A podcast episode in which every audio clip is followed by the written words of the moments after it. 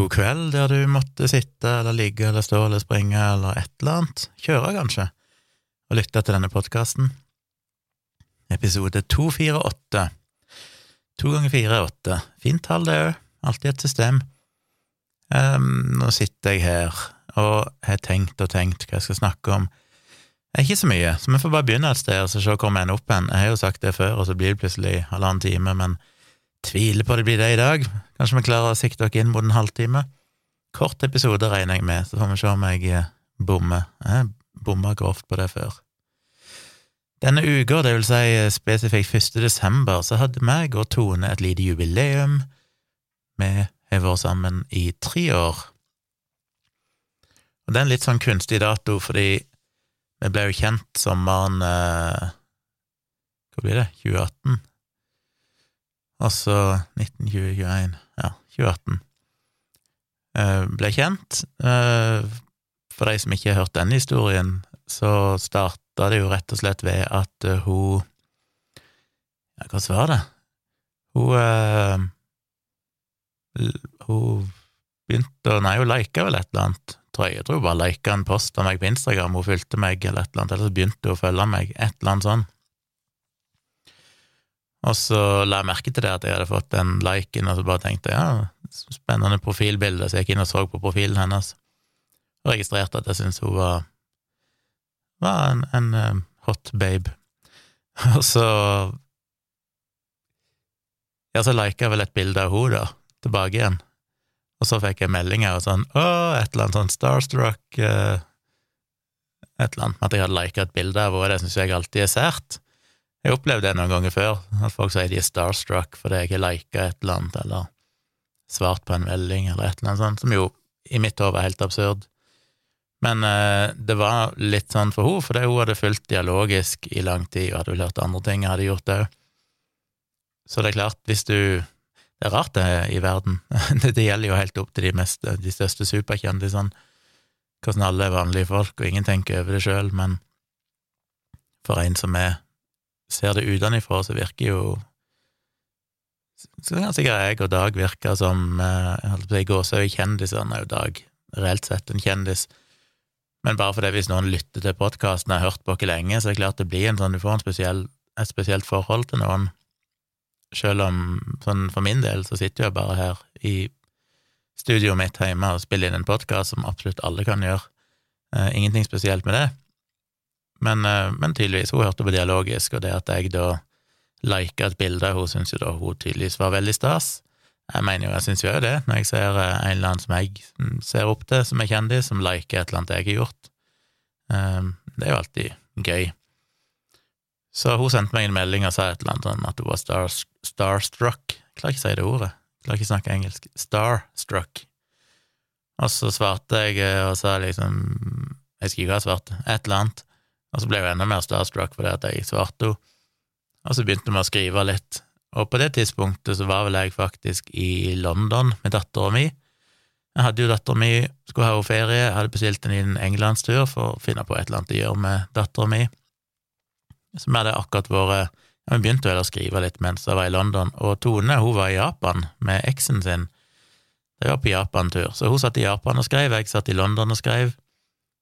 Um, og så tror jeg det var omtrent siste dagen da vi satt på flyplassen, meg og dattera mi, husker jeg ennå, vi satt på sånn sushiplass på Heathrow og venta på flyet og spiste litt sushi. Og så tror jeg jeg skrev noe sånt som at det Ja, for på det tidspunktet hadde jeg vært singel en stund, jeg var liksom litt sånn, det var sommer, og dattera mi skulle reise hjem dagen etterpå, og jeg tenkte sånn, ja, det er litt sånn, jeg var litt ensom, rett og slett. Så jeg var litt sånn, fuck, jeg hadde bare lyst til å henge med noen, så jeg skrev vel til henne må gjerne stikke innom og ta en kaffe eh, hvis du har lyst. Og så syntes jo det, hun det var helt crazy, og trodde egentlig ikke hun ville tørre det, men, men så gjorde hun det, da. Så et par dager Jeg kom jo hjem, og så kom vel hun hjem fra Japan tilfeldigvis da, bare dagen etterpå eller et par dager etterpå. Og så kom hun faktisk på besøk, og jeg kan ennå huske akkurat de første sekundene jeg så Tone, hun kom gjennom gangen på Tøyen, der jeg hadde leilighet, hun ringte på, og jeg gikk ut og åpna døra, liksom, eller hun ringte på nede, så tok hun heisen opp i sjette etasje. Og siden jeg visste hun kom, og det er ikke så lett å vite hvilken dør du skal gå inn i den gangen, for det er ikke noe navn på de, så åpna jeg døra og liksom sto og venta. Og så ser jeg hun komme, og så var hun helt sånn wow! Med det smilet og litt sånn fjollete. Så kom hun inn, og så hadde hun kjøpt med seg eh, noen gaver til meg. Jeg fikk vel noe sånn japansk eh, hurtigkaffe, nesten som sånn tepose med noe sånn pappgreie som du kan på en måte sette oppå koppen og så kan du tømme vann, kokende vann eller varmt vann, gjennom det, som da trekker gjennom kaffen og ned i koppen. Så sånn har du kjøpt til meg, noen pakker med det. Vet ikke hvorfor, hadde vi snakka om det på forhånd? Hadde iallfall snakka om at hun var kaffenerd, men jeg husker ikke om vi hadde snakka om akkurat den japanske kaffen. Så kjøpte hun vel òg noe sånn eh, Noen sånne japanske klistremerker som skulle gi god lykke, da, som var spesifikt for datamaskinen. Kunne klistre på datamaskinen, tror jeg, så skulle ikke datamaskinen bli mer stabil, det var selvfølgelig gjort med humor. Hun er jo skeptisk som bare det, hun òg. Skeptisk og rasjonell, det måtte jo til for at jeg skulle finne tonen med henne. Så hun kom nå den dagen, dette var midt i juli, midt på sommeren, eller slutten av juli, og vi satt oss ute på balkongen min eh, og drakk denne her kaffen for Japan, og der ble vi sittende i ni timer og bare prate. Og hun satt vel til klokka var ett eller to om natta eller noe sånt, gikk hun hjem, og så sendte jeg vel, jeg husker ikke et eller annet, om hun sendte melding til meg, et eller annet, takk for praten, eller noe sånt, eller om jeg sendte melding til henne først, jeg husker ikke, men jeg skrev ned iallfall at hvis dette hadde vært en date, så ville jeg iallfall ha bedt om en ny en, sa jeg. men hun var jo i et forhold, så det var liksom ikke så aktuelt. Eh, og så skrev vel hun noe tilbake som sa at hun òg hadde hatt det veldig trivelig. Og så husker jeg ikke hvordan vi avtalte det, men så kom hun vel tilbake en dagen etterpå, og da gjentok jeg egentlig akkurat det samme, så jeg vi satt på balkongen der og prata vel omtrent i ni timer da òg. Og egentlig fra da så møttes vi hver eneste dag i en eller annen sammenheng. Eh, nesten uten unntak. Og så gikk jo tida utover høsten, og så hangla vel hennes forhold litt med eksen, og etter hvert så ble det slutt mellom dem, og da begynte jo vi litt mer seriøst, og liksom ja, Det ble litt mer sånn seriøs dating. Og så etter mye om og men, da, så, så, ble vi sammen. Men det var jo ikke noe sånn konkret, sånn fjortis, sånn 'hei, vil du være sammen med meg?' Sende en lapp til henne. Så du vet jo aldri helt når du er voksen, så er det litt mer sånn diffus når blir du egentlig sammen. Men vi følte vel at det var mye sånn hindringer som vi måtte overkomme, blant annet ja, hun, jeg hadde jo nettopp kommet ut av et forhold, og jeg ville ikke føle at jeg var noen sånn rebound-guy, og, og, det var mye som liksom vi følte vi måtte avklare, og være sikre på at dette var noe hun ville, dette var noe jeg ville. Og så var det jo alt dette med at jeg er ganske open-minded, og ønsker jo egentlig et åpent forhold, og det var nytt for hun. Hun visste ikke helt hvordan hun ville forholde seg til det, turte hun forplikte seg til noen, i tilfelle ikke hun klarte å liksom finne seg til ro med det, var det lurt å gå inn i et sånt forhold? Det var liksom så mange ting som jeg måtte ta noen sjanser, da, og bare tenke vi ønsker å satse på dette. Så får det gå som det går. Så en eller annen gang rundt 1. desember, så Eller i desember en gang, tror jeg. Jeg tror det var litt lenger ut i desember formelt sett, før vi liksom egentlig vel var sammen. Men bare for å ha en enkel dato, så er vi satt til 1. desember. Det er liksom det som blir dagen vår. Og på mange måter så var vi jo sammen før det òg, veldig sånn glidende, vi hang jo sammen hele tida og hadde jo følelser for hverandre etter hvert. Og... Så det er vanskelig å definere. Men det ble 1. desember, så det er liksom blitt og okka dag, så Vi nettopp hatt 1. desember, og uh, jeg spiller jo dette inn, denne episoden kommer ut fredag 3. desember 2021, så det som er i går, for jeg spiller jo dette inn da dagen før, så måtte vi feire litt Eh, jeg måtte jobbe mye, så det var litt begrensa hvor mye ledig tid jeg hadde, men utpå kvelden så sa jeg til henne hei, skal vi stikke ned på, på den her fabrikken som heter Artisanfabrikken, Fabrikken Artisan, et eller annet sånt, som er denne lokale kafeen som er så utrolig trivelig. Skikkelig hipsterkafé midt i Vennesla. Så vi hoppet i bilen, kjørte ned der, bestilte dere pizza og koste dere med det.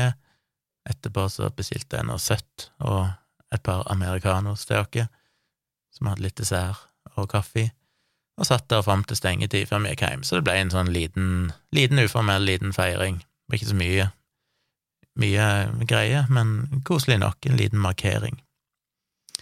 Så det er vel egentlig omtrent det som har skjedd av spennende ting her siden sist. det stort sett gått i, i, jobbing og ganske ja, lite nytt.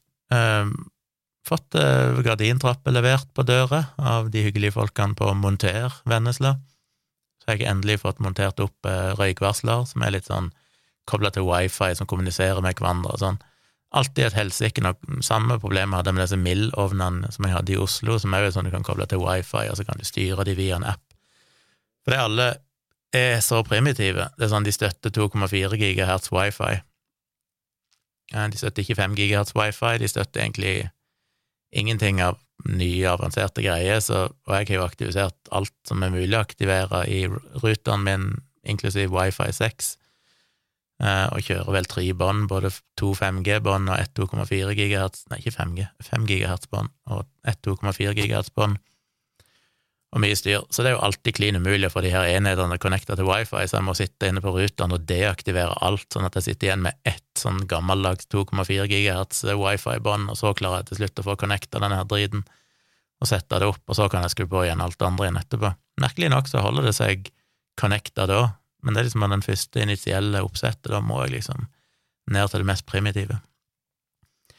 Så jeg fikk nå opp det, og måtte opp i taket og montere og, og, alt det, og det gikk jo greit, så nå satser jeg bare på at jeg gjør en jobb hvis det begynner å brenne. Og apropos brann, så snakket jeg jo om at jeg kjøpte disse karbondioksid brannslokkerne. Burde kanskje ha sjekka litt mer før jeg kjøpte de.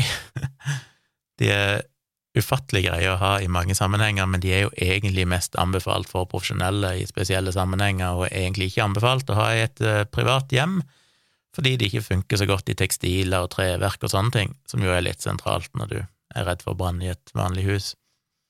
Så de er jo gull å ha hvis du skulle få brann i noe elektrisk eller i noe datautstyr eller et eller annet sånt, men til mye annet så er det ikke så greit. Og så tenker jeg de er veldig greie hvis, uh, hvis du får en sånn type brann som er, ikke er sånn ekstremt farlig, men du har kanskje et stearinlys stående på et bord, og så tar de fyr inn og pynt eller et eller annet, så kan det være det kan være greit, for da kan du faktisk lokke brannen uten at du ender opp med å måtte renovere hele leiligheten for kvitt pulver etterpå. Eh, men da kan jo et skumapparat være nyttig, men skumapparat var vel heller egentlig ikke så anbefalt. Jo mer jeg leste om det, så var det liksom ingenting som erstatter pulver. Så det spørs om jeg er mulig å kjøpe pulverapparat òg. Nå fikk jeg jo de her karbondioksidapparatene veldig billig, siden de var til 70% rabatt, så jeg tenkte sånn, ja ja, det var noen hundrelapper, kjekt å ha, men jeg må nok ut og kjøpe meg pulverapparat og ha det i tillegg, så det blir mye brannslukkere her. Veldig usikker på om jeg skal fylle de gamle, for jeg har jo to pulverapparat her som går ut på dato i år, men ifølge det jeg har lest, virker det som at det er omtrent like dyrt eller dyrere som å kjøpe nytt, så egentlig mye lettere å bare kjøpe nytt, men så må jeg finne ut hvor jeg leverer inn de gamle hen, og sånn, må det være en eller annen plass jeg kan levere de gamle tankene. Prøvde å google det, men det var vanskelig å finne info om det. Men iallfall. Så det var litt sånn feil å kjøpe de karbondioksidapparatene, men, eh, men, men. Det får nå våge seg. Ellers har jeg drevet i det siste med markedsføring, og det er jo tricky. Jeg har sittet og designa en, eh, en, mail for å promotere restaurant- og matfotograferinga mi. I tillegg har jeg sittet på nettet og googla etter restauranter i Oslo og Kristiansand og noen plasser imellom, og prøvd å, å sope inn det jeg kan finne av e-postadresser. Problemet er at ofte så er det jo bare en sånn booking at et eller annet som er offentlig på nettsidene, der du kan bestille bordreservasjon, og det er jo ikke nødvendigvis den mest effektive mailadressen å sende til, men det er det jeg finner, så jeg tenker det er bedre enn ingenting. Noen plasser så er de vel forhåpentligvis ved å videresende det da til daglig leder eller hovedkokk eller et eller annet sånt. Men det er sikkert mange av de som ikke ender opp med å nå rette personer, men det får bare være. Så jeg fant vel til slutt en 167 eller noe sånt, tror jeg, forskjellige restauranter. Det er jo altså så mye spisesteder. jo Og det er jo bare de jeg har funnet i farten, holdt jeg på å si. Jeg kunne sikkert funnet mange ganger flere, men det er jo så kjedelig. Sitte og gå inn på nettsida, finne adressen, lime det inn i et, uh, i et uh, enten et regneark eller rett inn i Mailchimp, som jeg bruker til å sende ut mail legge inn navnet, lagre, og så gå videre til neste. Altså, det, det, høres ut som det er en ganske kjapp jobb, men det er faktisk en ganske tidkrevende jobb, så jeg satt noen timer bare for å få samle inn de adressene. Så må jeg designe mailen, og det er jo òg tricky, for det er sånn hva hva skal jeg skrive i emnefeltet som gjør at de får lyst til å åpne mailen, ikke sant? Det er jo en kunst, det der. der. Og skal, hvordan skal jeg disponere plassen i denne mailen? Jeg vil jo ha med noen bilder som viser at jeg kan levere bilder av høy kvalitet. Jeg må få med de viktigste poengene. Men plassen fylles fort opp. Hvor langt tror jeg de kommer til å scrolle? De viktigste tingene må jo være uten at de scroller, sånn at de ser det med en gang. For det er jo, bare en bonus hvis noen av de gidder å scrolle nedover i mailen og lese mer. Så det er en sånn evig greie med å sitte og formatere og prøve å finne ut hvordan det skal se ut, sånn at det kan virke fristende, og det gir nok informasjon, men ikke bli frista til å gi for mye informasjon som tar for mye plass. Bla, bla, bla. Så jeg ble til slutt ferdig, og så sendte jeg den ut. Og så ble den jo, så kan jeg jo følge med på statistikken da inne på Mailchimp. Hvor mange er det som åpner mailen, hvor mange er det som klikker på linker, og alt det der. Veldig dårlig respons. Samme var det jo sist, jeg har gjort det en gang før, men da sendte jeg ikke ut til så mange. Eh, så det er litt sånn frustrerende, og så var det vel omtrent to tredjedeler eller sånn, hadde ikke engang åpna mailen. Og da anbefaler Mailchimp at hvis du sender den på nytt innen 24 timer, så pleier det ofte å være veldig bra. For meg hørtes det litt sånn ut som litt spammy, men jeg tenkte ja ja, what the hell, jeg prøver en gang til. Og da var det noen flere prosent som endte opp med å åpne den, men fortsatt relativt få, så jeg har ikke fått noe napp på det. Jeg tenker jo selvfølgelig at det sikkert ikke er veien å gå, men det er en måte å begynne på, i håp om å se iallfall om det funker. Men jeg fikk nå til slutt en mail i dag da, fra en restaurant nede bak av Brygge i Oslo, og de syns jeg hadde veldig fine bilder. Uh, var ikke, var ikke så aktuelt for de akkurat nå, men en sånn fast fotoabonnement. Men de var veldig interessert i pris på en fotoshoot, der kunne jeg komme og ta bilder av noen matretter og litt uh, miljøansatte og sånn. Så da ble jeg sittende med det og lage pristilbud, og det er jo er jo helt grusomt. Jeg har jo gjort det i mange sammenhenger, jeg har jo drevet datafirma i over 20 år, laga uendelig mange pristilbud opp gjennom årene, blitt litt mer rutinert på det. Etter 20 år skulle bare mangle. Men jeg har jo holdt foredrag i litt over ti år, og jeg husker jo det når jeg begynte med foredrag òg, så var jo det helt grusomt når noen tok kontakt og ville ha et foredrag, og sånn, hva i all verden, hva i all verden skal jeg ta? Og jeg tenker så ofte tilbake igjen på gode gamle dager, tilbake igjen på begynnelsen av 2000-tallet, da jeg drev dette nettstedet som jeg lagde i 2001, som heter dikt.no. Eh, og i forbindelse med det, som ble veldig populært, så ville jeg arrangere noen sånn dikt.no-samlinger, som jeg kalte det, på Tonstad, lille Tonstad, og reklamerte for det på dikt.no. Jeg hadde vel noen annonser i noen aviser rundt forbi òg, og endte jo alltid opp med at det kom veldig få. det kom vel sånn ti-tolv stykk, kanskje. Men de kom jo fra hele landet, de kom liksom fra Finnmark og overalt. Så det var veldig stas med de som kom. Og med tanke på hva de fikk, de som var der, så var det jo ganske heftig. Jeg hadde jo kjente forfattere, jeg hadde kjente artister, jeg hadde jo konsert med Sigurd Dagsland, med Jo Nesbø, eh, Harald Rosenløv Eeg eh, Jeg husker ikke lenger hvem jeg hadde. Jeg hadde mange kjente navn. Are Kalve hadde standup-show. Eh, Fliflet Hamre, som er en ganske sånn artig band. Eh, da jeg spilte opp. Um, ja, litt av hvert, iallfall, som de fikk, de som kom der. Kjente forfattere som hadde skrivekurs og deltok i forfatter... Eller sånn, hva de kalte det? Poesidebatt, eller noe sånt. Og, så det var jo utrolig bra opplegg, må jeg jo si, i all beskjedenhet. Jeg følte jeg fikk tak på mange bra folk, og fikk jo litt støtte av kommunen og litt sånn økonomisk støtte fra bedrifter sånn som sponsa det og sånn som fikk dratt det i land, og det ble jo fantastisk gøy hver gang. Jeg hadde safari rundt i Sirdal, der min far var guide og fortalte historier fra hele Sirdal, og besøkte masse sånn plasser som er fine å se, historiske begivenheter, i en gammel veteranbuss. Og ja, det var mye, mye gøy. Men da husker jeg at det var dette med hva jeg skulle betale da jeg booka. Jeg hadde jo ingen peiling hva sånn kosta, men jeg husker så godt ennå Are Kalve, fordi jeg maila med han, og han var sånn ja, han skulle komme, superpositiv med en gang.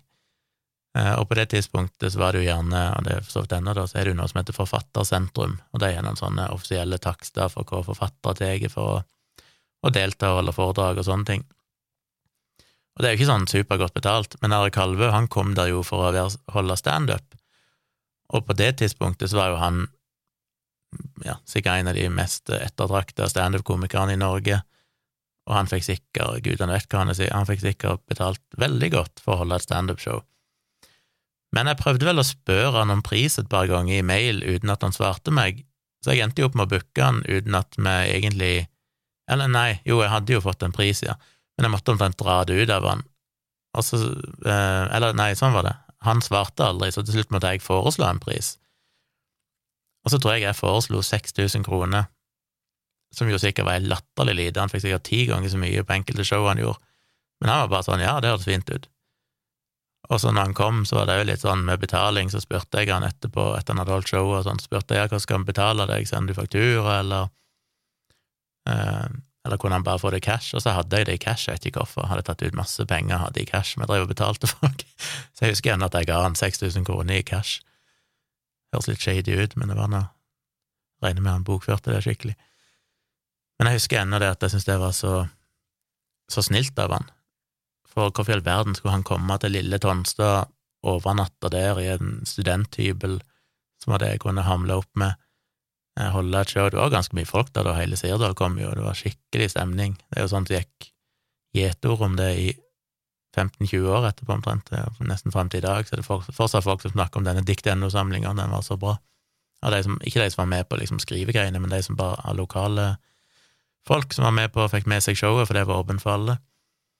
Så det var fantastisk bra show, men jeg synes det var så kult at han stilte opp på den måten for så lite penger, selv om han sikkert kunne fått ti ganger mer og lett kunne ha sagt nei, så liksom er evig takknemlig til Are Kalve for akkurat det. Så det jeg ofte tenker på med prising, er jo å tenke sånn shit, han gjorde det der billig, så jeg vet jo aldri helt hva skal jeg ta, da, som er helt uh, noob og ukjent. Så jeg husker jo de første par foredragene jeg holdt, så tok jeg vel sånn to og et halvt tusen eller et eller annet sånt, selv om det da innebar å lage et foredrag som tok mange timer, eh, forberede det, eh, reise et eller annet helt annet sted i landet, holde foredraget, reise hjem, så gjerne sånn én til to dagers Jeg ble opptatt med dette, i tillegg til alle forberedelser og sånn, så tok jeg jo basically ingenting, så det er jo helt latterlig. Men så begynte jeg sånn, å, skal jeg våge å ta tre og et halvt tusen, jeg prøver det. Og så aksepterte de det, og så gikk jeg vel opp til 5000. Tenkte det var det var heavy shit å ta 5000 for et foredrag. Men så godkjente de det òg, liksom, uten å mukke. Og så prøvde jeg vel sju og et halvt, og så var det ti, og så er jeg vel egentlig settla på rundt 15 000. Og så er det noen jeg gjør mye billigere, litt avhengig av hvem det er, uh, og så er det bare noen som er dyrere. Men sånn, hvis noen spør nå, så er det sånn 15 000 for et foredrag pluss reise og opphold, og det er liksom greit. Og så er det jo alltid dette her med at folk har en tendens ikke helt skjønner hva som ligger i en pris. De tenker sånn ja, men du står jo bare der og holder foredrag i en time eller halvannen time, skal du ha 15 000 kroner for det? Så glemmer de da at jeg gjerne må ta fri fra jobben én til to dager, fordi jeg må reise fra der jeg bor, til gjerne et helt annet sted i landet, det kan være i Nord-Norge. Så da går det en hel dag på det, mange, mange timer, som jeg egentlig òg skal ha betalt for, selv om jeg ikke formelt sett står og holder foredraget da, men det er jo timer jeg ikke får gjort til noen ting, brukt til noen ting annet. Eh, og så er det jo selve foredraget jeg holder, som gjerne tar et par timer, ja, to til tre timer fra jeg møter opp og kobler opp alt og sånt, jeg holder foredraget, svarer på spørsmål og det som skjer etterpå. Og så er det jo hjemreisen igjen. Og så i tillegg så er det jo den tida jeg har brukt på å forberede foredraget. Men det er jo der jeg henter inn igjen tida nå, fordi at jeg i stort sett lager foredragene. Jeg lager av og til nye og tilpasser ting hele tida, men sånn grovt sett så har jeg en del foredrag som jeg allerede har laga, som jeg kan bruke med små justeringer. Men så er det jo det at folk glemmer at det de betaler for, er jo ikke akkurat den tida jeg bruker på å lage det foredraget og holde det foredraget. Det de betaler for, er jo de 15-20 årene jeg har brukt gratis å sitte og lære meg de her tingene, sette meg inn i det, skrive tusenvis av bloggposter og artikler og spilte inn podkaster og alt det jeg har gjort som gjør meg i stand til å kunne formidle noe som folk syns er interessant og nyttig så det er jo all den kompetansen, på en måte. Ja, det er jo litt som hvis du tar deg en lengre utdannelse, så får du gjerne en bedre betalt jobb, og det er jo fordi at den, da betaler folk på en måte for alle de årene du har brukt på å tilegne deg den kompetansen gjennom utdanninga di og sånn, og erfaring. Så det er litt vanskelig for folk å forstå hva de egentlig betaler for, men de betaler jo egentlig for mange, mange år og tusenvis av timer som jeg har brukt på å sette meg inn og lære meg alle de tingene. Så jeg må liksom ikke være for redd for å ta betalt, men jeg synes det er vanskelig. Eh, så nå skal jeg jo begynne med foto, så er det jo hele greia på nytt igjen, for da føler du jo at du starter fra scratch. Hva i all verden skal du ta? Så jeg satt lenge i dag, og så ringte jeg min gode venninne Cecilie Banov i Bergen, som er fotograf, og hun har litt erfaring med å, å å hun tar mye bilder for bedrifter og sånn, så jeg måtte få litt råd ifra henne. Og fant jo da selvfølgelig ut at jeg hadde priser det egentlig veldig billig eh, i forhold til det som er veiledende priser da, i fotografbransjen i Norge. Og det er jo det som er så dilemma, for du får så mange sånn hensyn å veie opp. Det ene er hvor mye må jeg ha, føler jeg, for at jeg skal være fornøyd med å gjøre den jobben, og eventuelt å reise til Oslo bruke de timene på å fotografere, sitte i mange timer etterpå og redigere alt dette her. Så er det jo alt utstyret jeg har, som har kosta fryktelig mye penger, det skal jeg òg ha dekka inn. Um, ja, så det er liksom én ting å bare finne ut hvor mye må jeg ha, på en måte, for jeg føler at det er rettferdiggjort. Det andre er jo hvor mye er det andre ville tatt for samme jobben? Uh, og jeg kan på en måte ikke legge meg der, føler jeg, fordi jeg, jeg er jo tross alt, helt tross alt ikke ti års erfaring mm, som fotograf, og det er ikke det at jeg mener at bildene mine står tilbake fra mange som har holdt på i mange flere år enn meg, men det er mer det at jeg er litt avhengig av å få kunder i oppstarten. Jeg trenger referansekunder, og jeg trenger erfaring. Så for meg så er jo kundene verdt noe mer enn bare betalinga jeg får. Så jeg må jo veie det inn, men så kan jeg ikke selge meg for billig, fordi at da presser du ned prisene i markedet. Da underbyr jeg på en måte andre fotografer som kanskje lever av dette, og ikke ønsker at det skal komme folk som meg og plutselig selge disse tjenestene ultrabillig. Det handler litt om solidaritet òg, med å holde prisene på et anstendig nivå som gjør at fotografer kan leve av å drive med det. Så det er mange hensyn å ta. Så jeg endte jo opp med å gi, gi et tilbud som er mye billigere enn en etablert fotograf ville ta. Men det kan jeg på en måte tillate meg nå i starten, bare fordi at jeg, jeg er nødt til å på en måte prise meg Jeg er nødt til å føle meg litt fram, sånn som jeg gjorde med foredrag. Begynner litt lågt, og så øker gradvis og finner ut litt om hvor, hva, er, hva er det markedet er villig til å betale. Men jeg syns egentlig det var Jeg synes jeg får vondt i magen allikevel når jeg sender tilbudet, for det føles jo som mye penger. Men jeg har ikke fått svar fra dem, så jeg er jo veldig spent nå. Hvis de sier ja til det, så er det utrolig bra, både fordi at jeg har lyst til å ta det oppdraget, det er en god referanse, det blir gøy og spennende, men òg fordi at jeg har sett en sånn liten påle i bakken som sier at ok, dette kan jeg faktisk ta, dette aksepterer markedet. Og da er det litt lettere å sende ut pris neste gang. Så prøvde jeg selvfølgelig å hinte veldig sterkt om at det var bedre om de hadde en fotoavtale, en sånn abonnement, fordi at sånn prismessig så får de jo så ekstremt mye mer for pengene hvis de er et fast abonnement. Det priser jeg jo så billig i forhold til en sånn enkeltstående oppdrag. Men det er jo fordi at den forutsigbarheten og langsiktigheten i inntekter er jo verdt veldig mye penger i seg sjøl. Så jeg vil heller ha mindre betalt, men vite at jeg får det jevnlig framover, enn ett oppdrag isolert sett her og der, for det er litt for risikabelt. Så vi får se om de først booker meg, og hvis de booker meg, om jeg da klarer å få de over på en fotoabonnement på sikt. Så det er krevende. Det er jo det som er dritt med å drive firma, det er alltid dette med å sende ut pristilbud og finne ut hva du skal prise ting til, men, eh, men jeg føler bildene mine er bra, jeg vil ikke, jeg vil ikke selge meg for billig heller. Eh, jeg får heller tåle at noen sier at nei, sorry, det blir for dyrt, og så så lenge jeg vet at det uansett ikke er dyrt i forhold til markedet det jeg har gitt en pris på, så er det iallfall ikke sånn sett min feil, da er det de som ikke helt skjønner hva det faktisk koster å ha en fotograf som leverer gode bilder. Så skal jeg òg prøve å markedsføre, som jeg har sagt, dette foredraget er ikke kommet så langt ennå. Dette her foredraget om kritisk tenking for lærere og skole, jeg skal prøve å gjøre en liten pakke på det, for jeg tror det har et uh, potensial for å kunne bli brukt av andre skoler og lærere rundt forbi i landet etter hvert som kritisk tenking er blitt en del av læreplanen, og sikkert mange lærere som ønsker litt inspirasjon rundt hvordan de kan jobbe med det. Så det skal jeg nå i løpet av de neste få dagene få lagd en presentasjon i bloggen min, og ja, må kanskje lage en presentasjon som eh, foredragsformidlingsbyrået mitt kan bruke, og kanskje se om jeg kan få dem til å pushe det ut til forskjellige skoler. Ikke vært så veldig aktive på å promotere meg, føler jeg, men uh, jeg håper iallfall de kan hjelpe meg litt med det, for det har jeg litt tro på. Og så er det liksom hvordan du skal nå ut til restauranter. Å sende ut mail er ikke så effektivt, men det er iallfall en start. Men jeg tenker jo da i løpet av helgen så skal jeg designe eh, ett eller flere fine bilder med en veldig sånn fin mal med en enkel tekst på, som jeg skal betale Facebook for å kjøre en, eh, en Facebook slash Instagram-kampanje. Jeg tror kanskje det er en, en god måte å nå eh, restaurantbransjen på, for de ser jeg jo er veldig aktive på Instagram, mange av de. Det er mange kokker, ser jeg, som liker bildene jeg legger ut av, eh, av de kundene jeg har allerede. Så jeg tror nok at restauranter er ganske ivrige på å legge ut bilder av maten sin og aktiviteter og sånn. Så hvis jeg har en Instagram-annonse som er retta, målretta mot den type folk, hvis jeg klarer det, folk med interesse for mat eller som driver restaurant, så håper jeg at det kan være effektivt. Det skal jeg jo prøve. Hvis ikke det lykkes, så må jeg jo begynne å hoppe på telefonen og sånn, og ringe rundt eller møte opp med flyers på døra, et eller annet sånt, og det er jo ultrakleint. Så jeg vil prøve litt mer den passive metoden før jeg liksom går til det skrittet. Men jeg må kanskje det òg på et tidspunkt, hvis jeg skal få noen skikkelige kunder på dette.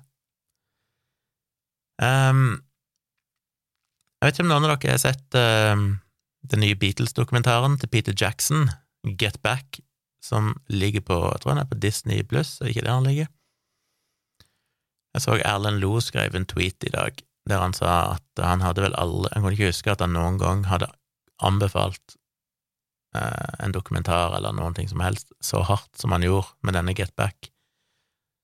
Og jeg skjønner han så godt, det er jo den nye Peter Jackson-dokumentaren som er basert på rundt 60 timer med film og 150 timer med lydopptak som ble gjort i januar 1969, etter at Beatles hadde hatt et par år uten noen konserter, og der de bare hadde lagd noen album i studio som jo revolusjonerte hele musikkbransjen, og fortsatt er mye av grunnen til at vi gjør det vi gjør i dag innenfor musikk. Eh, men da fant de ut de skulle gå i studio, og liksom øve inn noen sanger som de skulle fremføre live på én konsert. Så heller enn å bruke masse studioteknikk og overdubbing og liksom bruke all teknologi som var tilgjengelig på det tidspunktet, så skulle de heller bare liksom spille det live i studio og spille inn album, og så fremføre sangene. Så i løpet av en måned, eller egentlig to-tre uker, så skal de inn i studio, skrive nye sanger, lære de, og fremføre de og spille inn album. Så det går ganske fort. Men dette er jo da masse råmateriale som Peter Jackson og Kodo har sittet i fire år og redigert ned til en dokumentar som er i tre deler, og hver del er vel ja, hva er den er, to og en halv til tre timer. Jeg tror det er åtte eller ni timer totalt med materiale. Så bruker de òg noe lydopptak der de ikke har video, men der har de triksa det til ganske godt, for jeg så faktisk et par plasser så kan du se at de spiller musikk, for eksempel, av Beatles i studio der, og så ser det ut som at det er et filmopptak, men hvis du følger veldig nøye med, så ser du at ingen av bildene egentlig matcher 100% med musikken, men de har funnet klipp, små videoklipp eller filmklipp, der de beveger munnen sånn noenlunde likt den teksten som blir sunget på lydopptaket, sånn at det ser ut som at det faktisk er de bildene som hører til, men så er det egentlig ikke det. Men det er bare noen små segmenter. Det aller meste er jo skikkelig filmklipp. Og jeg er så enig med Erlend Lo. Jeg har sett de to første delene. Jeg tror jeg skal opp og se siste del etterpå. Um, ja. For meg er det bare rein Det er det nærmeste jeg kommer sånn å se, som jeg skrev i et svar til Erlend Lo, det er som å se paranormale fenomener bli festa til film for første gang. Det føles jo som magi. Husk på at dette her er 50 år siden. Og så har du klassikere som uh, The Long and Winding Road, Hey Jude, Get Back Sanger som i dag bare er en del av musikkhistorien som eksisterte før jeg ble født, som bare alltid har vært der, og er liksom bare sånn kultklassikere. Men de ble skrevet der og da, mens de filma, så det er så fascinerende. Du ser i et klipp, så ser du hva det er John Lennon driver og diskuterer med en annen dude om liksom hvordan de skal ha scenen og sånn, borti et hjørne inne i studio der, eller i den salen eller hallen der de driver og, og jobber i, i, begynnelsen, før de flytter inn i et mer skikkelig studio. Og så i bakgrunnen så hører du bare dette riffet fra Get Back, og så filmer kameraet litt bort på Paul McCartney, som bare sitter der og liksom driver og tester ut noe greier, bare noe sånn riff og noe sånn tulletekst, og George Harrison bare sitter der og ser ut som han holder på å sovne, og de andre bryr seg liksom ingenting. Og det er altså så fascinerende å tenke på at i det øyeblikket der, så begynner den sangen å eksistere, og ingen rundt der tenker over det, de hører bare på McCartney drive og jamme litt for seg sjøl eh, i desperasjon, for de følte de hadde ikke klart å skrive noe bra, så han sitter bare der og prøver å få til et eller annet, liksom. Og for meg så er det bare sånn, for den, det er ikke det at jeg syns den sangen er verdens beste, det, men det er liksom Det er en sang jeg kjenner så godt, og bare har vært med meg siden jeg var bitte, bitte liten. Jeg vokste jo opp med Beatles, hadde en eldre bror som hørte mye på Beatles, jeg har liksom hørt på Beatles siden jeg var en neve stor. Og så er det så rart å tenke på at på et eller annet tidspunkt så eksisterte ikke den sangen, og på et eller annet tidspunkt så begynte den sangen å bli lagd, og det skjedde så tilfeldig på en måte, og alle menneskene rundt, det var, det var mange mennesker rundt der, folk som drev og filma, hadde lyd, og George Martin hang vel der, og folk som serverte te og litt mat, og alt mulig sånn, og folk bare sånn groupies, holdt på som av hang der og bare fulgte med. Og ingen av de skjønner på det tidspunktet at det han driver med akkurat der, det kommer faktisk til å bli en sang som, som folk kjenner 50 år seinere, og som vel ble deres første singel for det albumet. Og så er det jo så frustrerende å høre hvordan de jobber med den sangen etter hvert. Så begynner han liksom, og så blir George Harrison litt med og jammer på den, og de driver og pønsker ut at ja, her er det liksom et eller annet. Og så i flere klipp framover over i del to og sånn, så ser du at de fortsetter å øve inn den sangen og, og jobber videre og videre med den, og, så, og det er så vondt når du vet hvordan sangen er ferdig, det er akkurat som du føler deg som en gud, for jeg vet jo allerede hvordan den sangen skal være men du ser filmklipp der de ikke vet det, der de som har skrevet sangen sjøl, fortsatt ikke vet hvordan den sangen skal være.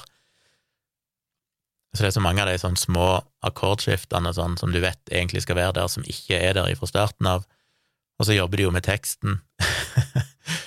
og så for alle som har sett dette, så, vet, så kjenner, du meg, kjenner du det sikkert igjen når, du, når, du, når, jeg sier at du får lyst til å rope 'Tusen Arizona', får lyst til å rope det til TV-en. En tekstgreie er vel 'Jojo was a man from Tucson, Arizona'. Men de driver så lenge med Jojo Først prøvde jeg å finne et etternavn på han, Jojo Jackson, da, da, da, og så Jojo eh, et eller annet navn. Men så etter hvert går de vekk fra det og bare kaller han for Jojo, og så synger 'Was a man from', og så skal de prøve å finne ut hvor er han ifra, hvor et, et sted i USA vil passe. Så prøver de alt mulig forskjellig, og så får du bare lyst til å rope til dem 'Ja, men det er jo Tucson, Arizona'! Dette må dere jo vite. Alle vet det er Tusen Arizona.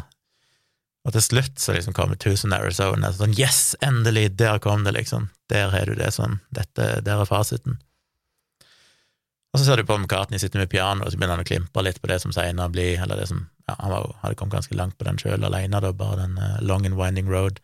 Og så Hey Jude, ikke sant. Hey Jude, for en klassiker. Det er jo bare sånn episk verk som alle kjenner. Alle har hørt Hey Jude, men det å sitte og se at han da bare begynner å klimpe litt på den, og de andre ikke har hørt den ennå, men etter hvert så jobber de med den, og så begynner de andre å henge seg på. Jeg vet ikke hvordan det er for dere, men for meg så er det Det er bare helt magisk. Og jeg er jo ikke verdens største Beatles-venn. Jeg, jeg, anerkjenner jo Beatles som kan, sannsynligvis det viktigste bandet som har eksistert, men jeg har ikke hørt sånn veldig mye på Beatles i voksen alder. Det er mye Beatles jeg sikkert aldri har hørt engang. Jeg har aldri sittet og hørt gjennom albumene veldig og sånn. Men de er jo allikevel det største av det største, på en måte, for det Så det å bare se dette og vite at shit, dette her finnes det filmer, det, det blir litt som alt annet i verdenshistorien og sånne ting du skulle ønske det fantes film av når ting skjedde, når Jesus ble hengt på korset. uh, det er så mange sånne historiske hendelser du bare har lest om, så tenker de sånn åh, skulle ønske jeg var flue på veggen og kunne se hva som faktisk skjedde der og da. Og så er det plutselig det som dukker opp nå, 50 år seinere. Så viser det seg at de har faktisk filma hele den seansen der over flere uker, og bare filma alt. Og det er så mange gullkorn, altså du sitter Del én slutter jo med at George Harrison sier han blir slutta i bandet og bare forsvinner. Og så del to er veldig annerledes, for del én er stort sett bare at alle sitter og spiller og tuller. Det er utrolig mye tulling. 70% er jo bare at de sitter og kødder med alle andre sanger. eller synger sine egne sanger med tullestemmer og bare driver og jammer og gjør all slags kødd mens de kjederøyker og drikker te. Jeg måtte jo lage meg en kopp te når jeg så på, jeg ble jo så inspirert. Uten melk, riktignok, da jeg drakk te med melk da jeg var liten, godt opplært av min engelske mor, men nå drikker jeg uten melk. Men del to, der er jo veldig mye i starten, er jo at George Harrison har bare stukket av, John Lennon møter ikke opp, så de blir sittende lenge og bare prate, så i starten av del to så sitter jo Ringo Starr og Paul McCartney og Lind, det som da seinere ble Linda McCartney, men som på den tida var Linda Å, nei, jeg glemte hva etternavnet hennes var, før hun ble McCartney, men iallfall, hun var der, eh, og et par andre folk. Og så kommer faktisk Peter Sellers innom plutselig og begynner å prate med dem, det er jo ganske weird. Men så sitter de der og prater, så begynner de å prate litt om Yoko Ono, ikke sant, og alle som har fulgt litt med, har liksom hørt at det var Yoko Ono som splitta opp Beatles, og det er jo blitt et sånt begrep, ikke sant, at noen er noens Yoko Ono, eh, denne kvinnen som kommer inn og ødelegger et eller annet for alle andre. Men der sitter de og snakker om det, og er egentlig enige om at eh, det er egentlig koselig med John Lennon og Yoko Ono, de er så forelska og sånn, og, og hun sitter jo bare der og gjør ingenting galt, men hun sitter jo stort sett med på sida av John Lennon hele tida og holder rundt han og sånn mens de driver og øver. Og så sier faktisk Paul McCartney, og det er jo bare så fascinerende, så sier han faktisk at å, så rart det er, om, om 50 år så kommer sikkert folk til å si at det er Yoko Ono som splitter opp Beatles, men egentlig så satt hun jo bare på en forsterker her i studio og gjorde ingenting galt. Og det er ganske fascinerende å tenke på at nå er det jo faktisk akkurat 50 år etterpå, og det er jo faktisk akkurat det folk sier. så det, det er rart. Det er nesten litt magisk å se sånne ting bli sagt. Og så er det jo rart å tenke på at du vet at Linda McCartney døde av brystkreft, du vet at George Harrison døde av kreft, du vet at ti år seinere så blir eller tolv år seinere så blir Paul McCartney, så blir John Lennon skutt og drept, og det er sånn Det jo føles litt som en sånn gudetilstand, at du bare vet hva som kommer til å skje. De driver jo og diskuterer hvor de skal ha denne konserten. Først så skal de ha han i Libya, i en sånn kjent ruin som er helt sånn idyllisk, eh, naturskjønt område. og skipper publikum med båt fra England ned til Nord-Afrika. Og så diskuterer de mange plasser rundt i England og sånn, men så vet en jo det hele tida. Ja, men de ender jo opp med å ha den konserten på taket av det studioet der de jobber. Så i slutten av del to så kommer jeg endelig inn med det forslaget, liksom, og så ser du Paul McCartney lyse opp, og sånn, å, shit, ja, kanskje vi skal det, ha det på taket her. Men igjen så er det sånn, vi vet jo hva som kommer til å skje, så det er rart å se flere timer der de bare sitter og diskuterer alt annet, og så vet en jo hva det endte opp med. Så jeg, jeg syns det er altså helt magisk å se på, hvis du er litt interessert i musikk og kan litt om Beatles, iallfall. Og kanskje om du ikke kan noe om Beatles heller, så tenker jeg det er nesten obligatorisk å se det, for det er jo så sentralt for alt som har skjedd innenfor musikk siden den gang. De definerte jo så mye av, av det som ble rock og pop, alt fra studioteknikk til hvordan album ble gitt ut. Eh, ja, det er bare så mye og så ser du magien skjer der og da, mens de bare driver og kødder og knapt er klar over hva de driver med sjøl.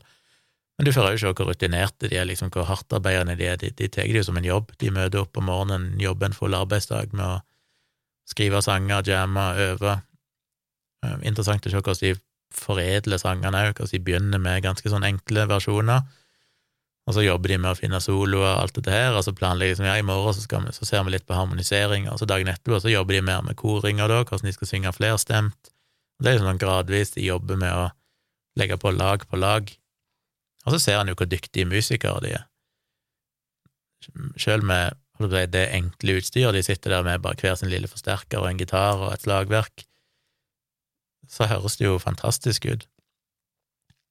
Men vi husker på at de hadde jo mange, mange år spilleerfaring da de spilte i Hamburg i Tyskland eh, før Ringo Starr ble med og sånn, eh, da de bare drev og jamma og spilte coverlåter og sånn, og spilte opp til dans på shady utesteder i Tyskland lenge før de var kjente, før de kom tilbake igjen til England og etter hvert ble, ble berømte.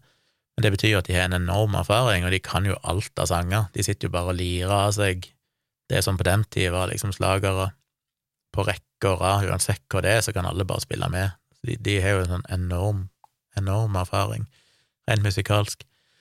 Og så blir jeg alltid like fascinert av å se Ringo Starr, eller Richard Starkey, som han egentlig heter, som alltid Jeg vet jeg har hørt av så mange at han er en av de viktigste trommeslagerne som har eksistert i rockehistorien. At han òg bidro til å definere det som i dag er liksom det du er vant med å høre av en trommis i et rockeband. Men jeg har alltid sett på han som ganske døll. Følt at det han spiller, er jo veldig rart. Det er veldig simpelt. Men så merker jeg bare det at eh, når du hører han Altså, det, han spiller jo ingenting som er veldig avansert eller groovy, men han klarer å få det til å sitte så bra. Og det er nesten usynlig, du tenker ikke over at han er der, men så bare plutselig legger du merke til shit, trommen er bare her og holder alt på plass. Han er, en sånn veldig diskré måte å bare binde ting sammen på rent musikalsk. På trommesettet med helt simpelt utstyr og veldig enkel spilling. Så begynner jeg sånn gradvis å skjønne hvorfor folk mener at Ringo Starr faktisk var så viktig, og hvorfor han faktisk egentlig er mye dyktigere enn det det er lett å tro, bare fordi han ikke er sånn veldig teknisk briljant, på en måte. Og så er det interessant å se at han sier jo basically ingenting. Gjennom alle disse timene så sitter jo bare han der og holder kjeft. George Harrison sier heller ikke mye, det er jo primært Paul McCartney og John Lennon, og det er interessant å høre de diskutere og krangle og er frustrerte, og Paul McCartney prøver å få litt kustus på de, men de andre, han mener ikke de andre er seriøse nok, og, og den konflikten som oppstår med George Harrison, da han føler seg forbigått, og det er liksom så mye spennende. Og så se disse kjærestene, da. Eh, Linda McCartney og, og Yoko Ono og dama til Ringo Starr og dama til George Harrison og sånn, som av og til kommer inn i studio og sitter og småprater med hverandre, akkurat som to unge venninner som bare sitter og gossiper.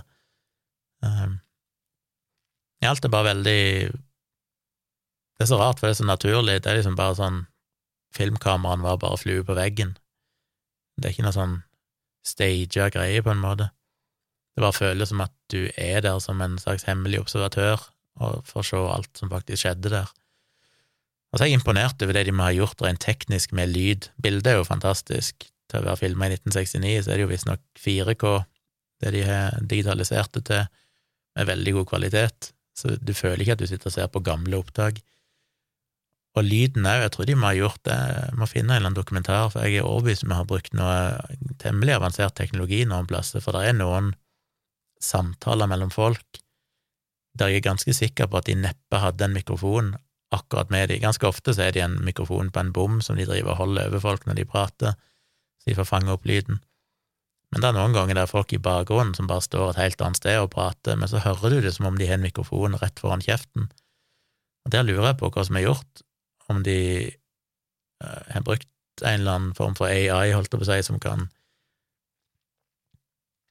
foredle det som er ganske dårlig lyd, fjerne alt av annen lyd, altså de klarer å isolere stemmene fra alt av andre folk som prater, for det ser ut som du hører bare én stemme, men så vet du at de står langt vekke, og det er mange andre som prater rundt.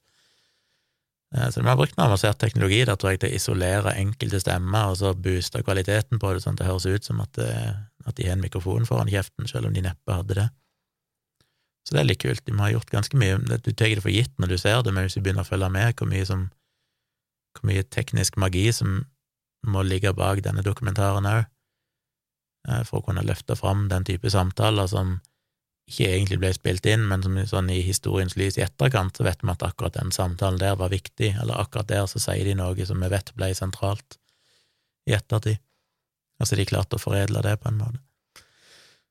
Så ja, sjekk ut eh, Get Back hvis dere har tilgang til Disney pluss. Den er altså så verdt å se. Om ikke annet, så kjøp dere en måned med Disney pluss bare for å få se den, altså. Det er mange timer å se, men hvis du har noen som helst form for interesse for musikk, så tenker jeg at det er omtrent obligatorisk å få med seg denne. Det er rett og slett eh, Jeg var redd det skulle være litt kjedelig, men det er rett og slett helt fantastisk. Jeg blir helt oppslukt. Det er altså så Jeg får helt sånn Nesten frysninger av tanken på å være vitne til de tingene som skjer, være vitne til fødselen til disse sangene, se hvordan det faktisk skjedde og bare føle at, det, ja, at de som var rundt, ikke skjønte hva som egentlig foregikk, men akkurat det han driver med der, det blir faktisk en klassiker i historien, liksom. Det, det er magisk. Så sjekk ut The Beatles Get Back av Peter Jackson. Til slutt så tenkte jeg jeg måtte ha én ting av litt substans i denne podkasten. Så da ble det Da blei det snakka litt om en artikkel på NRK som var nå nylig. Den kom eh, 28. november, som heter Isbading mot depresjon hjelpte mer enn både terapi og medisiner. Med ingressen Isbading kan hjelpe mot depresjon, viser ny forskning. For Dagmar fra Bodø var det veien ut av tungsinnet. Og så kommer de med mye påstander nedover i artikkelen om hvordan ja, Først er det bare hun Dagmar som forteller om hvor nyttig det bare for hennes syke å drive med isbading. Og så fortsetter de med å si at uh, det er flere enn Dahl som nå forsker på isbading, og så er de tre lenker. Først, en dansk rapport viser at isbading gjør at du forbrenner flere kalorier. Og Den er lenka til en studie, som jo er veldig bra, at de faktisk lenker til studier, det er jeg veldig glad i. Og det kan godt være han viser det, det er en liten studie som mener har funnet noe, men de òg påpeker at det er fryktelig mange begrensninger og svakheter i studien som gjør at de ikke kan stole for mye på det resultatet. Og en enkel studie skal vi alltid være forsiktig med å overtolke uansett, så, men det er noe greit nok. Kanskje det viser at du forbrenner flere kalorier, muligens. Eh, neste er en engelsk dokumentarskaper laga en kortfilm om isbading som et ledd i en sorgprosess. Og det er litt sånn ok, eh, en anekdote, da, i så fall, det er ikke akkurat forskning. Og den siste, på Cambridge-universitetet har det til og med vært forska på om isbading kan hjelpe mot demens, og der er det jo lenka til en studie som jeg ikke gadd å se noe særlig på, for det er sånn, ja, ok, kanskje. Eh, igjen en studie sikkert ikke så noe en kan konkludere mye ut ifra, men interessante selvfølgelig som sånn begynnende forskning for å se om det kan være noe mer i det, selv om jeg er usikker på hvor, hvor nyttig det er. Um, men så kommer de da til diverse fagpersoner, norske fagpersoner, som de snakker med, som, som har litt hypoteser om hvorfor dette er bra, og sånne ting. Og så uh, Ja. Og det eneste jeg sitter igjen med, altså lenker de til en ny studie der det er ifølge mellom annet forskning publisert i tidsskriftet Explore i april i år, kan isbading ha flere positive effekter på syke og helse. Og så kommer de vel egentlig ned til at uh, det mye handler om at når du får et sånn sjokk, uh, kuldesjokk, eller noe som er ubehagelig, så frigjøres det endorfin, som er et sånn lykkehormon. Det gjør at du føler deg lykkeligere, føler deg bedre, men det varer ofte bare noen minutter, kanskje maks en time etter du er ferdig med badet. Uh, så det er neppe noe du kan bruke som en sånn behandling, men kanskje det hjelper litt hvis du sliter litt med, med depresjon. men det eneste jeg tenkte når jeg leser den artikkelen, det er sånn veldig spekulativt. Eh, det er nesten som de Altså, de slår jo fast i tittelen sånn 'Isbading mot depresjon', og så er det sitatstrek. 'Hjelpte mer enn både terapi og medisiner'. Men det, sånn, den, det sitatet der kommer jo fra ei dame som sjøl mener at det hjalp henne, men når du leser tittelen, så, frem, så høres det nesten ut som at forskning viser at det hjelper bedre enn både terapi og medisiner. Det er det jo ikke noe forskning som viser. Men det andre er dette med at for meg så minner dette veldig om det som jeg snakker og skriver mye om, dette her med forskjellen på spesifikke behandlingseffekter og uspesifikke behandlingseffekter. Og med det mener jeg jo ja, Det klassiske eksempelet jeg ofte bruker, er jo det å si at det kan godt være det hjelper å gå og få homopatisk behandling, men homopati virker ikke. Og det er ganske sentralt, fordi det er ingenting som tyder på at homøpati har noen spesifikk effekt, det vil si en klinisk behandlingseffekt knytta til de homøopatiske preparatene og metodene i seg sjøl, men det å gå til homopat og få behandling kan hjelpe, fordi det krever blant annet at først du tar tak i problemet ditt, bestemmer deg for å få hjelp, du betaler kanskje noen for å få hjelp, du går kanskje til en homopat som alle andre har sagt dette er bare tull, og som den offisielle anbefalingen sier at dette virker ikke, så det du, du går litt mot strømmen, som gir deg en følelse av empowerment, at du tar tak i problemet og velger å, å følge din egen vei. Det en, en stor, kan ha en stor psykologisk boost-effekt. Du kommer til homopaten, som stiller deg mange spørsmål. De har jo gjerne et sånn spørreskjema de går gjennom, der de spør om alt mulig helt tilbake fra du ble født. De skal vite alt om historikken din, finne ut om du har tidligere traumer og sånne ting. Det vil si at du føler deg veldig ivaretatt, du føler at du blir tatt på alvor, du føler du får snakka ut om ting som kanskje ikke er direkte relevant til problemet du har, men som det er godt å få snakka med noen med. Eh, du ender opp med å få en diagnose, fordi dette dataprogrammet vil gjerne da komme fram til at det denne pasienten trenger, er dette remediet her. Eh, så du vil få en diagnose som òg kan ha en positiv effekt, det gir en trygghet, det gir en følelse av håp. Du får utdelt en homopatisk medisin uh, som du får beskjed om å ta for eksempel tre ganger om dagen i seks uker. Det gir deg et rituale. Det å følge et sånt rituale med å ta medisin jevnlig har i seg sjøl en viss effekt, placeboeffekt. Og alt dette her. Så det er mange mekanismer som spiller inn, som gjør at hele den prosessen og ritualet med å gå til en behandler og få en behandling og en diagnose og gjennomføre den behandlingen i seg sjøl kan ha positive effekter. Og det er jo det som er, er, viktig å skille mellom, det er derfor du må ha en kontrollgruppe som gjør alt det samme, bortsett fra at akkurat medisinen de får, er annerledes. Altså en, en kontrollgruppe som òg går til en homopat, går gjennom de samme spørsmålene, får en diagnose. Eneste forskjellen er at de ikke får ekte medisin, men de skal fortsatt ta medisin. For da vil du kunne se om det er noe forskjell på de to gruppene, og hvis det er det, så må det være medisinen som gjør det, fordi at det er det eneste som er forskjellen på de to gruppene, alt annet er likt. Så derfor er jo sånne blinde forsøk med kontrollgruppe og alt dette her ekstremt sentralt. Eh,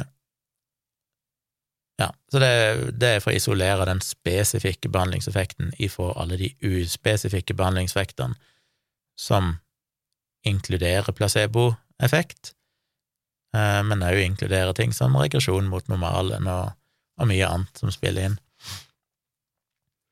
Så det er jo det jeg tenker når jeg leser dette om isbading. Det er sånn For meg har sett det samme i forskning på yoga, for eksempel, der det kommer av og til studier som sier at yoga viser seg å ha sånn og sånn effekt. Men i praksis er det ingenting som tyder på at det nødvendigvis er yoga i seg sjøl som gjorde det. Sammen med meditasjon. For det som er så vanskelig å skille på, er liksom er det yoga eller meditasjon som gir denne positive effekten, eller er det hele ritualet rundt, og det å slappe av, det å ta seg tid til seg sjøl, det å gjøre fysiske aktiviteter, altså de bevegelsene du gjør i yoga Altså, er det noe spesifikt med akkurat yoga eller akkurat den type meditasjon som gir deg nytte, eller er det bare alt annet, så du kunne egentlig erstatta yoga og meditasjon med noe som ligner, men som egentlig er noe helt annet? Eh, samme finner en med der en finner at hvis du bruker falske akupunkturnåler eh, som er designa, som faktisk funker bra, i den forstand at du kan lure folk som ikke er veldig vant med akupunktur. Har du hatt mye akupunktur, så er det kanskje vanskelig å, å lure deg, men for andre så er det sånne nåler som har et hult skaft, men som fester seg på huden, sånn at når du stikker nåla mot huden, så går ikke nåla gjennom huden, men den bare trekker seg inn i skaftet, men nåla blir sittende fast i huden din, så, du, så til og med den som gir disse, denne behandlingen, vil ikke kunne vite om de faktisk stakk nåla inn eller ikke.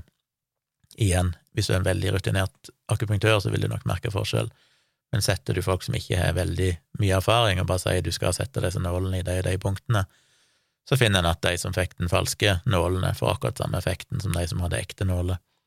Eller hvis du bruker ekte nåler, men stikker de på helt feil steder istedenfor å stikke på disse spesifikke akupunktur, akupunkturpunktene, så bare stikker du de litt på sida eller et litt annet sted, uh, finner at det er samme effekt. En har jo funnet ut at hvis du bare stikker folk med tannpirkere uten at de ser, sånn at de sjøl tror de er blitt penetrert av ei nål, men egentlig har du bare stukket i huden med en tannpirker, så finner du òg samme effekten. Så alt dette her er liksom Ja, uh, det viser at disse uspesifikke effektene, altså placeboeffekt og hele ritualet med å gå til en akupunktør, kan ha positiv effekt uten at nålen i seg sjøl egentlig har betydning. Og husk på det, jeg må bare gjenta det, det er en liten digresjon, men jeg synes alltid det er fascinerende, jeg skriver jo om det i placeboeffekten, men den ideen alle har om at akupunktur er mange tusen år gammelt, en gammel, tradisjonell kinesisk medisin, som jo bare er bullshit. Og det er bullshit, fordi vi hadde ikke teknologien til å lage sånne nåler før på 1930-tallet, tror jeg. Så var det først mulig å lage nåler som er så tynne at du kan stikke de inn, sånn som du gjør med moderne akupunkturnåler. Så det de kalte akupunktur før i tida, var jo alt mulig rart. Oftest var det egentlig bare at du tappa bylle for puss, at du hadde sånne infeksjoner som du punkterte med en metallpinne som var mye tjukkere enn de nålene vi har i dag, som mer eller mindre var som en liten kniv. Eh, og det var jo årelating, altså det å kutte folk så de tappa blodet av de, som var veldig populært før i tida. Var mange ting som handler om å bruke metallnåler, eh, som egentlig var det som var akupunktur for liksom 2000 år siden, eh, som ikke har noen ting med det som er akupunktur i dag å gjøre. Og den akupunkturen vi har i dag, er i veldig stor grad oppfunnet i Europa. Øreakupunktur, for eksempel, som mange tenker på. Tradisjonell kinesisk medisin, sette nåler i punkt i ørene. Det ble jo oppfunnet av en franskmann på jeg husker ikke, 50-60-tallet eller noe sånt. Eh, så det, det, er jo bare bullshit. Eh, det, det finnes ikke noe gammel kinesisk akupunktur. Den er stort sett moderne, fordi det var ikke mulig å gjennomføre det før eh, ca. 100 år siden. Og mye av disse teknikkene er oppfunnet i Europa, de eksisterer ikke i, eller eksisterte ikke tidligere i, i Asia eller i Kina. Pluss at disse akupunkturpunktene er jo forskjellige fra Sør-Korea til Japan til Kina til forskjellige land. Alle disse kulturene har sine egne akupunkturpunkter, og hvis du legger alle sammen, så er du basically dekka hele kroppen. Du kan stikke nål hvor som helst, og så er det et punkt som matcher med et eller annet lands akupunkturpunkter. Så alt dette her henger ikke på greip, men det var en digresjon. Men det er viktig å skille mellom spesifikke og uspesifikke behandlingseffekter. Og det tenker jeg gjelder her med isbading, for det er sånn, ja, ok, det hjelper tydeligvis å få et kuldesjokk, det kan hjelpe på å frigjøre endorfiner, folk føler seg bedre, men har det egentlig noe med isbading å gjøre? Det er det jo ingen av disse studiene som egentlig isolerer eller viser, eh, ingenting i den artikkelen som sier noe om det. For meg høres dette ut som et klassisk eksempel på egentlig hva som helst som påfører deg litt ubehag jeg mener, det er jo en grunn til at folk elsker å jogge eller trene hardt, fordi det òg medfører eh, smerte, ubehag, som fører til at kroppen frigjør endorfiner, så du får en sånn runners high, eller du får en eller annen en sånn liten rus etter å ha gjort en treningsøkt. Eh, andre liker jo å, ja, innenfor eh, sadomasochisme, folk liker å bli slått, få påført smerte i forskjellige sammenhenger, for det er jo i en rus. Det er jo en veldig god følelse um, for de som liker det. Ja, det er mye forskjellig folk gjør som rett og slett er ubehagelig fordi du får en gevinst etterpå gjennom et sånn endorfinkick. I tillegg til at du selvfølgelig sikkert får psykologiske effekter av mestring og det å overvinne din egen frykt og overvinne ubehaget og, og dette her. Så det er klart, det, det, er jo en grunn til at de anbefaler sånne ting for mange som sliter med depresjon eller psykiske problemer. Så er jo ofte øh, aktivitet anbefalt, det å trene, for eksempel, ser ut til å virke godt. Hvorfor gjør det det? Sannsynligvis mye av de samme mekanismene, tenker jeg, som isbading. Du overvinner din frykt, du tar ansvar for deg sjøl, du, du, gjør noe som du kanskje ikke har lyst til å gjøre, men du, du finner motivasjonen til å gjøre det. Det er ubehagelig, det frigjør endorfiner. Alt dette her. Så for meg er det sånn, ja, ok, teknisk sett så er det kanskje riktig å si at det kan være, ha positive effekter i isbader, men jeg syns jo som den nerden og skeptikeren jeg er, at det interessante er jo å finne ut hva det som egentlig virker. Har det egentlig noe med isbading å gjøre?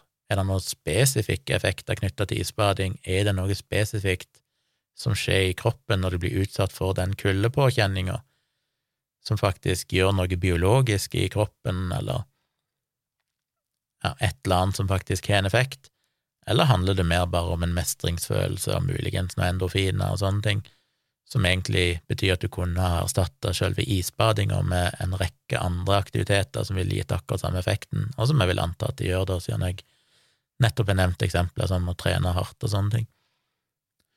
Eh, så det er jo ikke noe galt med å si at isbading kan være nyttig, men det som ofte kommer i kjølvannet av disse tingene, er jo at de som mener at det virker, de vil jo gjerne komme med fantastiske hypoteser om hvorfor det virker. Og det er jo noen tendenser til det i denne artikkelen her òg, med liksom at blodårene trekker seg sammen, og det utvider seg igjen, og det trener blodårene på en måte du ikke kan gjøre på andre måter. Og det er sånn, ja, det er en fin hypotese, men er det egentlig noe relevans her i det hele tatt? Så ofte så begynner en jo med det, å prøve å forklare dette. Og det gjør en fordi en tror det er en spesifikk effekt, men egentlig så er det ikke noen spesifikk effekt, så du prøver å forklare noe som ikke trenger å forklares, for det handler egentlig om de uspesifikke effektene, alt det som er rundt, ritualet, mestring, alt dette her. Og det går jo igjen i så mye, det forklarer jo egentlig alt av alternativ behandling, det er jo det som virker. Så det er ikke så mye å si hvilken alternativ behandling du går til, akkurat hva du gjør, fordi det er jo ikke noen spesifikk effekt per definisjon, da ville det ikke vært alternativ behandling, da ville det vært mm, behandling eller medisin eller skolemedisin. Men det er mye rundt det som kan ha positive effekter, derfor mener jo jeg òg at det å gå til alternativ behandling kan være positivt for mange. Men det betyr ikke at den alternative behandlinga virker. Det er to veldig forskjellige ting, og det drøfter jeg jo mye i denne placebo-defekten.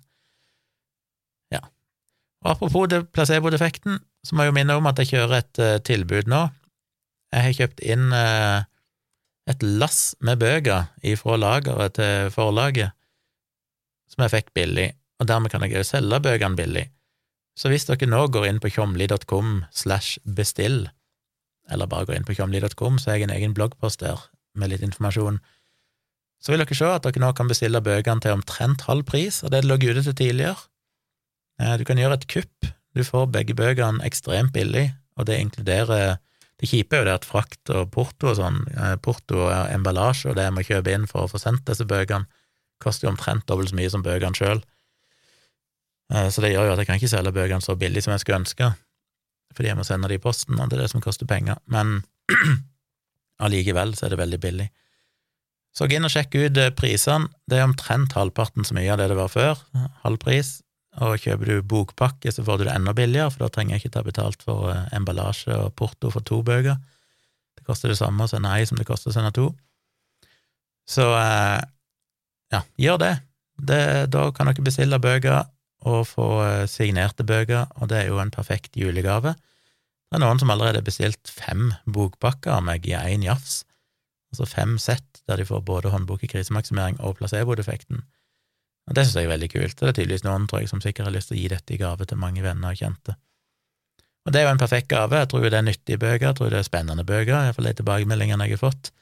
Eh, informative, jeg ønsker jo at alle skal lese de, fordi jeg føler det oppsummerer mye av det som jeg snakker om, og har tilegna meg av kunnskap og forståelse i løpet av de årene som er gått. Det er liksom oppsummert i stor grad i de to bøkene der. Så jeg ville satt veldig pris eh, på om dere vil bestille, om ikke for annet, så bare for å støtte meg litt, kanskje. Det er jo en måte å støtte meg på, i tillegg til alt det andre dere kan gjøre, på Patrion og sånne ting. Eh, så eh, ja, bare en påminnelse om at gå gjerne inn og bestill bøker, så sender dere bøker i posten. Dere kan betale med VIPS aller helst. Går jo an å få faktura, men er litt mer styr. Eh, dere får signatur, dere kan få en liten hilsen i boka, og hvis dere skriver hvem boka er til, hvis det er en gave, så jeg jo, skriver jeg jo hilsen til den personen, og det er jo ekstra gøy å pakke opp en, en bokgave der det er en hilsen til deg spesifikt som pakker opp gaven. Så eh, ja, gjør gjerne det. Jeg, jeg vil gjerne bli kvitt bøkene òg, jeg har brukt en del penger på å kjøpe de inn, så da håper jeg jo å ikke sitte igjen i minus her til slutt, selv om det sikkert tar litt tid å få solgt ut alle. Men gjør gjerne det. Det blir jeg veldig glad for. Jeg sender de ut litt i rykk og napp, jeg sender de ikke ut fortløpende, for det blir for mye arbeid, så jeg venter til jeg har fått litt bestillinger, og så tar jeg meg en dag der jeg sitter og pakker alle, og det tar jeg noen timer der, og leverer de på posten. Så de kommer etter noen dager, men hvis dere bestiller de i løpet av de neste par ukene, så får dere iallfall i god tid før jul. Det kan jeg garantere dere. Så det var min lille reklame til slutt. Da ble det jo en episode på over en time likevel. Der ser du. Sånn kan det gå. Jeg tror ikke jeg hadde mer å si. Eh, vi satser vel på en eh, ærlig talt i kveld, meg og Tone, fredag kveld altså, klokka elleve, på min YouTube-kanal Tvilsomt med Tjomli, og på Tone sin kanal Tone Sabo. Så følg dere gjerne der. Kan jeg stille spørsmål, snakke med dere live på stream. Og så er vi jo tilbake med en ny episode av Virkelig grusomt òg på mandag, som jeg håper dere abonnerer på podkasten. Og så er jeg tilbake igjen på tirsdag med en ny episode av denne podkasten. Så ja, det tror jeg var alt for i dag. Takk for at du har hørt på så langt. Legg merke til at jeg skal begynne å legge inn kapitler. Jeg gjorde det i forrige episode, så nå kan dere, hvis podkastappen støtter det, så kan dere klikke dere rett til det segmentet i podkasten dere ønsker å høre, hvis ikke dere vil høre alt på en gang. Så sjekk ut det òg. Men ja, vi høres igjen om noen dager. Takk for at du hørte på.